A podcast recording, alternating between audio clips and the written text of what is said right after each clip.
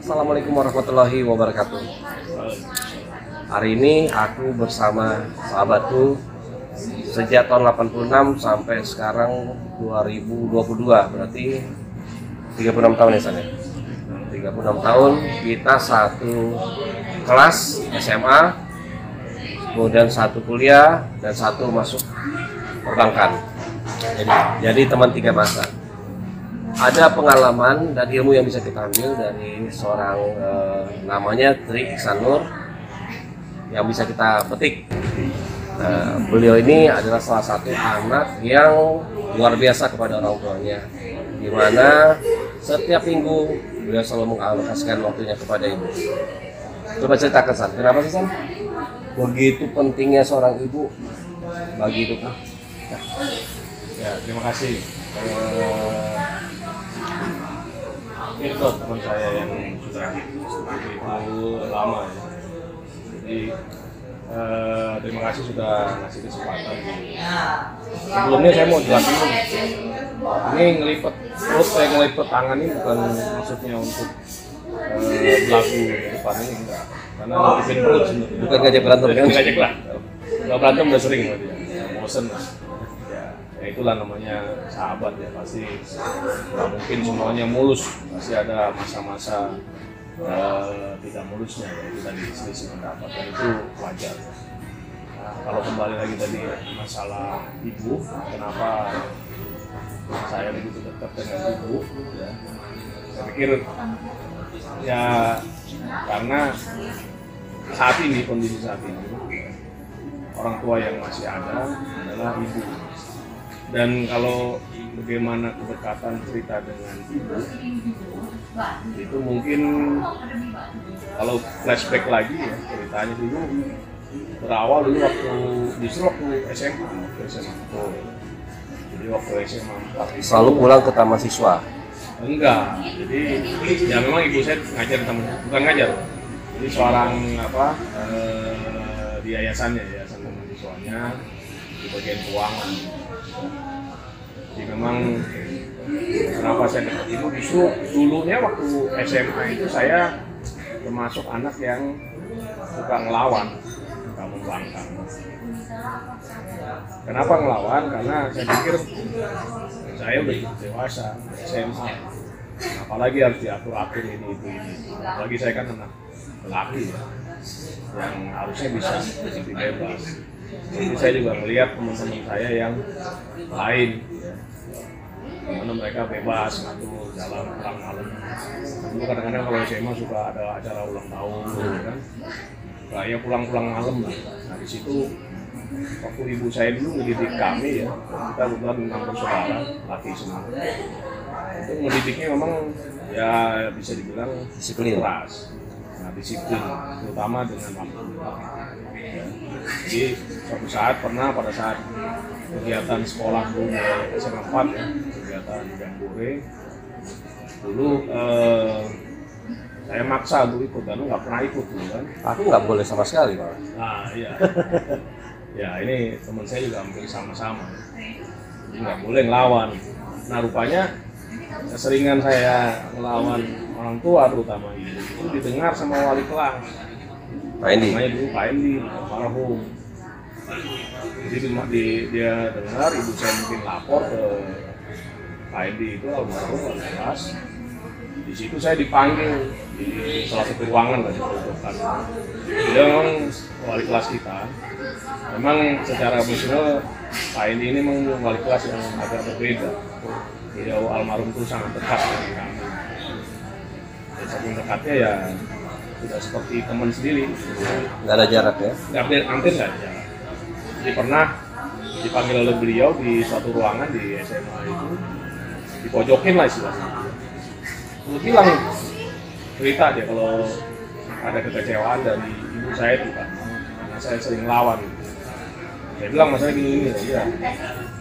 Sampai akhirnya almarhum itu bilang sama saya, "Eh, kalau kamu adik saya, dia bilang gitu kan, lu udah gue gampar, lu udah gue hajar lu kalau lawan orang tua, terutama itu. Di situ saya langsung mikir, gitu. kaget saya kan, kok bisa seorang nah ini yang notabene orang lain gitu. Yang yang apa yang nggak funky ada hubungan funky. apa-apa gitu. Ya hubungannya karena sesama guru gitu sesama guru itu ngomong sampai sekeras itu. Ya ibu saya kan bukan siapa-siapa aja. Ngomong sampai sekeras itu akhirnya saya berpikir orang lain aja seperti itu sama ibu saya gitu. Akhirnya di situlah jelas balik saya dekat sama ibu saya. Mulai sadar lah ya? saya mah kelas 3 berarti ya. Kelas 3 itu dekat sama ibu saya. Dan memang sebenarnya dari sejak kecil saya juga dekat sebenarnya sama orang tua. Jadi hampir ke mana-mana kunjungan ke saudara itu hampir selalu yang nemenin saya gitu. Nah itu mungkin karena SMA itu kan saya kan lepas dari ibu saya. Jadi saya sampai SMP itu sekolah di taman siswa. Dan memang sama ibu saya terus selama berapa tahun? 6 tahun sama 3 tahun, 9 tahun, 10 tahun. Dengan TK gitu. Jadi begitu pas SMA di luar penga- pengawasan orang tua, akhirnya jadi ya mungkin dalam tanda kutip jadi luar. Karena mungkin yang ibu saya nggak saat itu juga masih darah muda kali sana ya Nah, SMA kan mencari jati diri gitu. Jadi di situ mungkin saya ingat saya kelas balik saya kelas balik gitu ya. Kenapa saya begitu dekat dengan ibu saya itu ya seperti itu.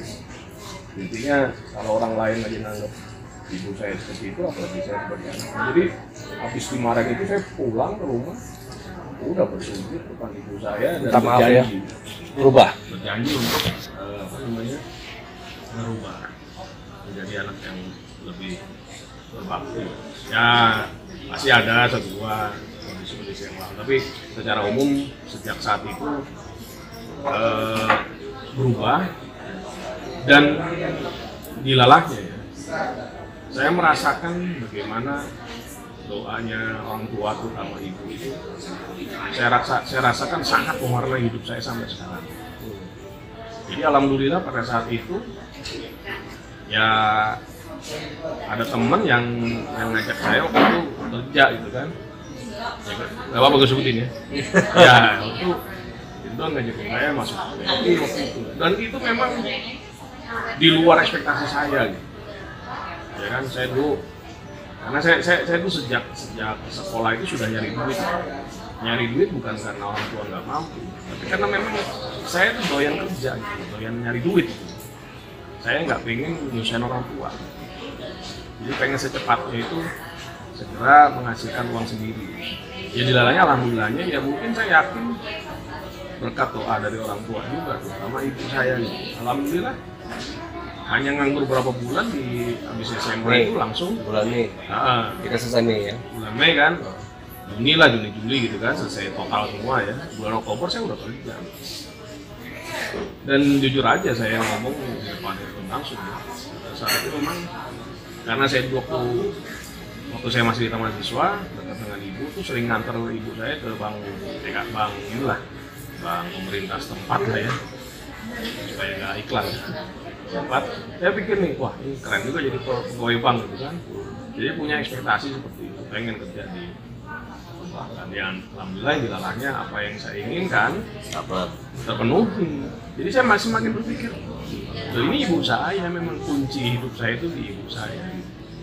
Makanya itulah sejak saat itulah makanya alhamdulillah sampai sekarang berusaha untuk bagaimanapun caranya selalu ada waktu bagaimanapun ibu. sibuknya harus menyediakan waktu. Itu target dari diri saya sendiri. Harus menyediakan waktu bersama dengan ibu saya. Apalagi sekarang ibu saya kan udah 84 tahun. Ya. sudah jauh nggak seperti dulu lagi. Dan kalau orang tua ya sudah seumur segitu tuh perilakunya itu yang saya dengar ya di luar tuh kembali seperti masa anak-anaknya ya benar. Ya, jadi saya berusaha gimana eh, mendekatkan ibu saya lagi mengingatkan memori-memori yang sudah lampau supaya otaknya tetap berpikir eh, apa namanya tidak tidak hilang. Termasuk Itu- ngajakin dia ke tempat yang dia suka ya? Semua makanya untuk membangkitkan nostalgianya membangkitkan ingatannya kadang ya saja bercanda. Dulu ibu gini ya dulu sering makan di sini. Ingat nggak dulu? Dulu ingat nggak waktu makan dulu kalau makan di rumah saking kita nggak tahu berhemat atau apa ya? Kita sebenarnya sih ada tapi emang nggak tidak terlalu kaya lah. Itu sampai makan telur itu satu itu dibagi bukan dibagi dua dong. Bagi enam. Dibagi empat. Bagi empat. Dibagi empat. Jadi satu telur itu dibagi empat. Itu kita ibu ketawa gitu. itu seneng gitu ngeliat ngeliat dia happy itu seneng. Dia ngeliat dia nginget memori zaman dulu seneng itulah yang menyebabkan dan apa ya? Saya ngerasa setiap apa yang saya inginkan saya maui nggak tahu terwujud gitu nggak tahu caranya jalan dari mana nggak ngerti karena saya di perusahaan ini yang saya tempatin sekarang ini ya bukan orang-orang yang bukan orang yang hebat-hebat banget biasa aja. Banyak banyak orang yang lebih hebat dari saya ya ya belum belum dikasih kesempatan kayak gitu. Jadi itu mungkin karena saya ngerasa ibu saya itu mewarnai hidup saya dari mulai kecil dari mulai lahir sampai dengan sekarang ya. Ya berpikir kapan lagi? Ya kan? kita nggak pernah tahu saya atau ibu saya yang duluan. Ya kalau udah ada udah kayak gitu kan kesempatan kita untuk bisa memberikan berbakti kepada orang tua ya hilang. Mau kapan lagi nggak? Ada lagi kesempatan. Itu mungkin yang, yang kenapa saya dekat dengan orang tua saya sekarang ya karena itu Karena doa dari ibu itu Ya. luar biasa. Tadi kan ibu itu kan pintu tengahnya surga. Tapi saya nggak inilah nggak mikir itu. Saya tidak tidak tidak mikir oh itu nanti na- yang namanya pamrih kan. Saya enggak lah. Saya hanya saya ingin berusaha supaya ibu saya gimana caranya ibu saya senyum itu, itu aja. Gimana ibu saya seneng itu aja. Nggak nggak berharap lain. Kalau dia seneng apa yang kita omongin tinggal ngomong ke dia dia suka dia doain dan ada jalannya itu aja kalau saya. Dan selama ini memang terjadi jadi nggak ada harapan apa apa untuk supaya enggak supaya saya pengen ibu saya seneng gitu. Kapan lagi nyenengin orang tua Nah, iya. sekarang? dan mungkin kalau gua kalau saya ngelihat Irfan kan sekarang mau kepada siapa lagi berbakti? Udah nggak ada lagi. Saya masih ada ibu saya. Kesempatan itu mungkin sudah nggak ada ya paling mendoakan dari aja tapi rasanya beda. Tapi aku asiknya dulusan. Kedua orang tua aku tuh meninggal dalam pernikahanku. ya itu salah satu Salah satu yang aku nikmati. Pernah dengar nggak waktu itu aku sempat mau berhenti kerja gara-gara aku mau ya merawat mama? ya ya itu sekarang juga terlintas sih itu gimana ya kalau kalau boleh gitu setiap hari Sama orang tua. tapi ya ya banyak yang harus dipikirkan Iya, kita harus bijak lah memikirkan segala sesuatu makanya untuk hal yang satu itu setiap Sabtu atau Minggu itu atau dua hari Udah ada jadwalnya ya? berusaha lah itu target di diri saya sendiri kalau bisa lebih dari itu lebih bagus